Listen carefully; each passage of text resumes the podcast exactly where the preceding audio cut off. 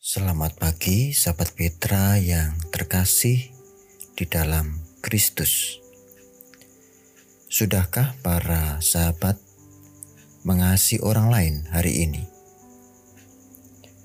Embun pagi hari ini, Sabtu tanggal 30 April 2022, membuka hari dengan sapaan Sabda Tuhan bersama saya, Pendeta S.H. Sucahyo dari GKJ Jatimulyo, Yogyakarta.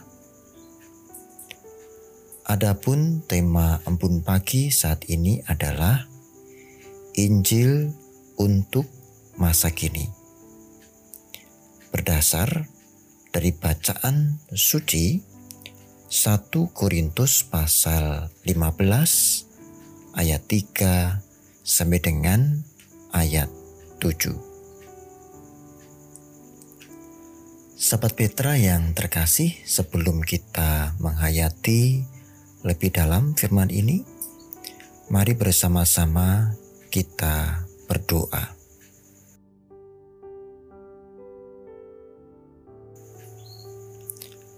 Bapa kami yang kudus dan setia, kami bersyukur karena Tuhan mengasihi kami Tuhan setia memberikan tuntunan dan pertolongan bagi kami semua.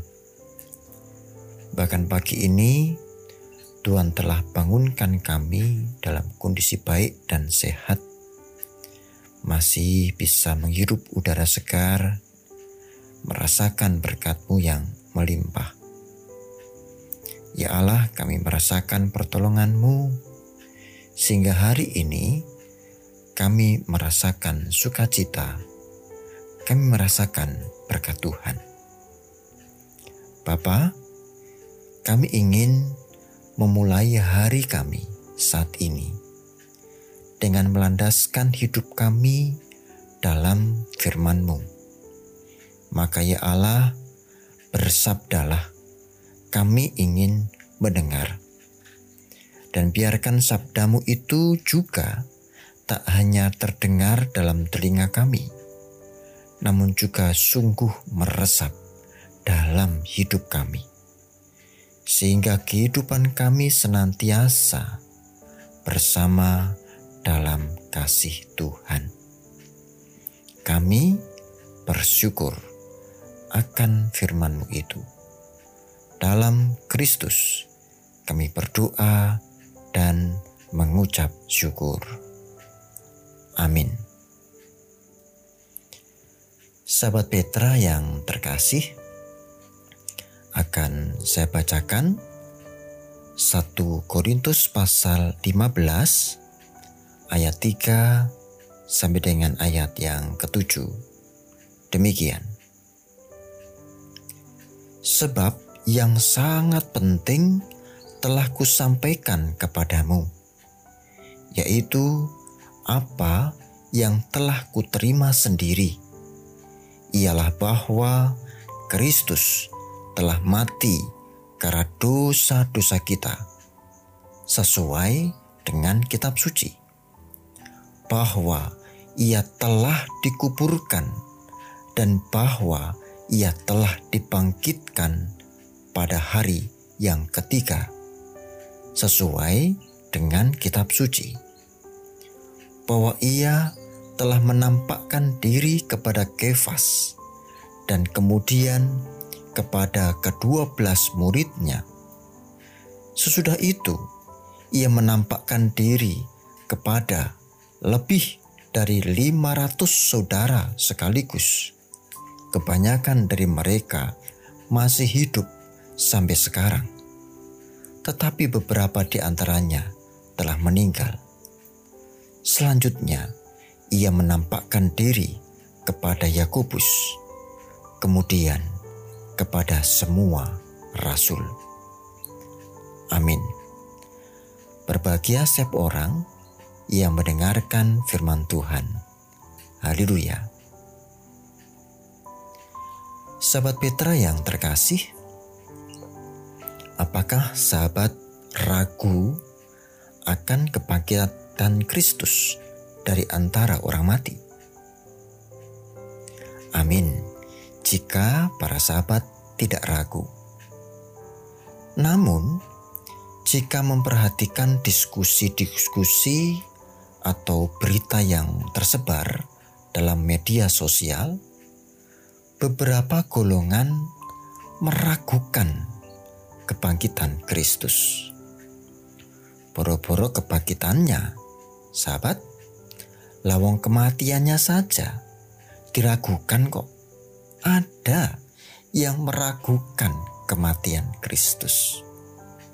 Ya, begitulah media. Kita sebagai umat Tuhan tidak boleh gampang guncang iman. Saya tandaskan, tidak boleh gampang guncang iman hanya gara-gara berita yang belum tentu kebenarannya itu. Tidak semua berita di media sosial benar, sahabatku. Maka hati-hati, hati-hati membacanya, juga hati-hati menyampaikan pesan itu kepada orang lain. Teliti lebih dahulu. Para sahabat, ternyata keraguan akan kebangkitan Kristus tak hanya ada di masa kini loh. Di zaman Rasul Paulus, khususnya dalam pelayanannya di jemaat Korintus, kala itu ada orang-orang yang juga tidak percaya tentang kebangkitan itu. Orang-orang ini mencoba mempengaruhi dan mengganggu iman jemaat Korintus bahwa kebangkitan itu tidak ada. Kebangkitan itu mengada-ada. Kebangkitan itu tidak mungkin terjadi. Nah, cara berpikir ini, isu ini mengganggu iman jemaat Korintus. Persis toh dengan kehidupan kita saat ini oleh karenanya, Paulus merasa penting untuk membahas hal itu. Ayat 3, Paulus menuliskan, diawali dengan kalimat begini, sahabatku. Sebab yang sangat penting telah kusampaikan kepadamu. Saya berhenti di sini. Perhatikan pernyataan Paulus, sahabatku, lugas dan jelas bahwa Paulus menyatakan telah menyampaikan berita yang sangat penting. Apakah itu? Nah, jika kita baca selanjutnya, Paulus menjelaskan, setidaknya saya mencatat tiga hal penting. Yang pertama, bahwa Kristus telah mati karena dosa-dosa kita. Artinya, pondasi penebusan dosa manusia itu ada dalam kematian Yesus Kristus. Kematian ini bukan kematian yang biasa. Kematian ini adalah kematian yang menghidupkan, menghidupkan bagi umat yang percaya ditebus dosa-dosanya. Itu yang pertama. Yang kedua, bahwa Kristus telah dikuburkan sahabatku. Analoginya gampang. Jika ia tidak mati, bagaimana mungkin dikuburkan? Lagi pula penguburan yang dilakukan ketika menguburkan Kristus bukanlah penguburan yang sembunyi-sembunyi yang memungkinkan suatu tipu daya bahwa Kristus tidak mati. Etok-etok mati. Enggak. Penguburan Kristus itu seizin Pontius Pilatus. Saat Yusuf Arimatia meminta izin kepada Pontius Pilatus dan Pontius Pilatus memerintahkan para prajuritnya memastikan tentang keadaan kematian Kristus. Kristus benar-benar mati, dikuburkan secara terbuka. Itu yang kedua. Dan yang ketiga, bahwa Kristus benar-benar bangkit dari kematian pada hari yang ketiga. Kebangkitannya ini adalah rangkaian kematian, dikuburkan, dan bangkit dari kematian pada hari yang ketiga. Kebangkitannya itu adalah kemenangan dari kematian. Ketika kematian adalah pondasi penebusan dosa, kebangkitannya adalah keberhasilan dari penebusan dosa itu. Sahabatku, ayat 3 dan 4 menekankan bahwa ketiga hal itu yaitu kematian, penguburan, dan kebangkitan sesuai dengan kitab suci. Bukan menurut berita koran yang bisa saja diputar balikan kebenarannya. Dan Paulus menyampaikan itu tidak menurut argumennya sendiri tetapi dengan dasar tulisan kitab suci.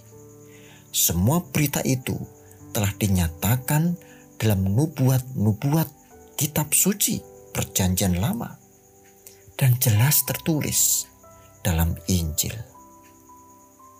Tak hanya itu, sahabatku, Paulus menambahkan data lain, data non tertulis Paulus menyampaikan para saksi hidup, yakni orang-orang yang menyaksikan sendiri peristiwa kebangkitan itu.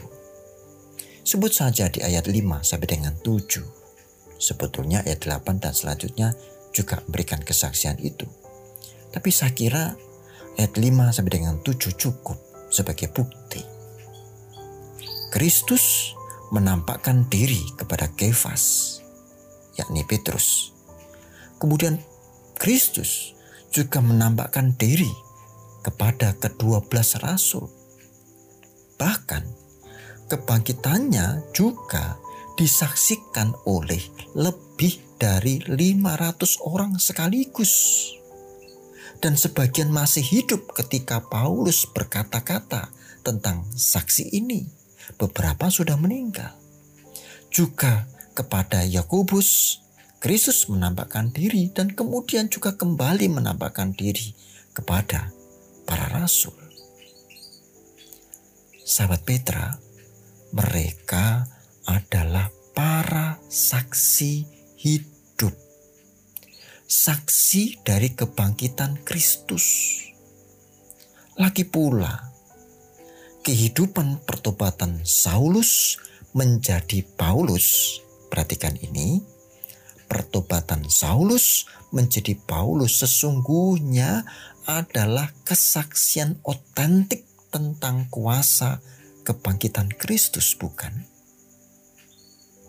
Nah, sekarang bagaimana dengan Anda saat ini di masa kini? Masih ragu akan kebangkitannya? Tentu saja tidak. Saya tanya di depan tidak kok, tidak ragu. Dan semoga perenungan ini semakin menguatkan kita semua. Mari dengan berani menjadi saksi, menjadi cermin Injil masa kini. Biarkanlah tulisan Injil meresapi kehidupan kita. Kiranya Injil yang adalah kabar sukacita terbawa dalam kehidupan kita. Dalam kuasa roh kudus, biarlah kehendaknya jadi hidup kita itu menjadi kesaksian otentik akan kebangkitan Kristus. Amin. Sahabat Petra, mari kita bersyukur dalam doa. Tuhan, kami bersyukur atas firman-Mu hari ini. Kiranya hari-hari kami senantiasa terlahir atas firman-firman Tuhan sehingga kehidupan kami searah dengan kehendak-Mu. Lebih-lebih ya Bapa, kami semakin beriman, semakin kuat percaya akan kebangkitan Tuhan. Injil masa kini diberitakan tak hanya dalam tulisan namun dalam kesaksian-kesaksian kami. Bapa, pimpinlah kami dalam pertolongan Roh Kudus yang senantiasa setia mendampingi kami. Izinkan kami melanjutkan hari-hari kami dan ajari untuk senantiasa setia kepadamu. Demi nama kudus Kristus Yesus, kami berdoa.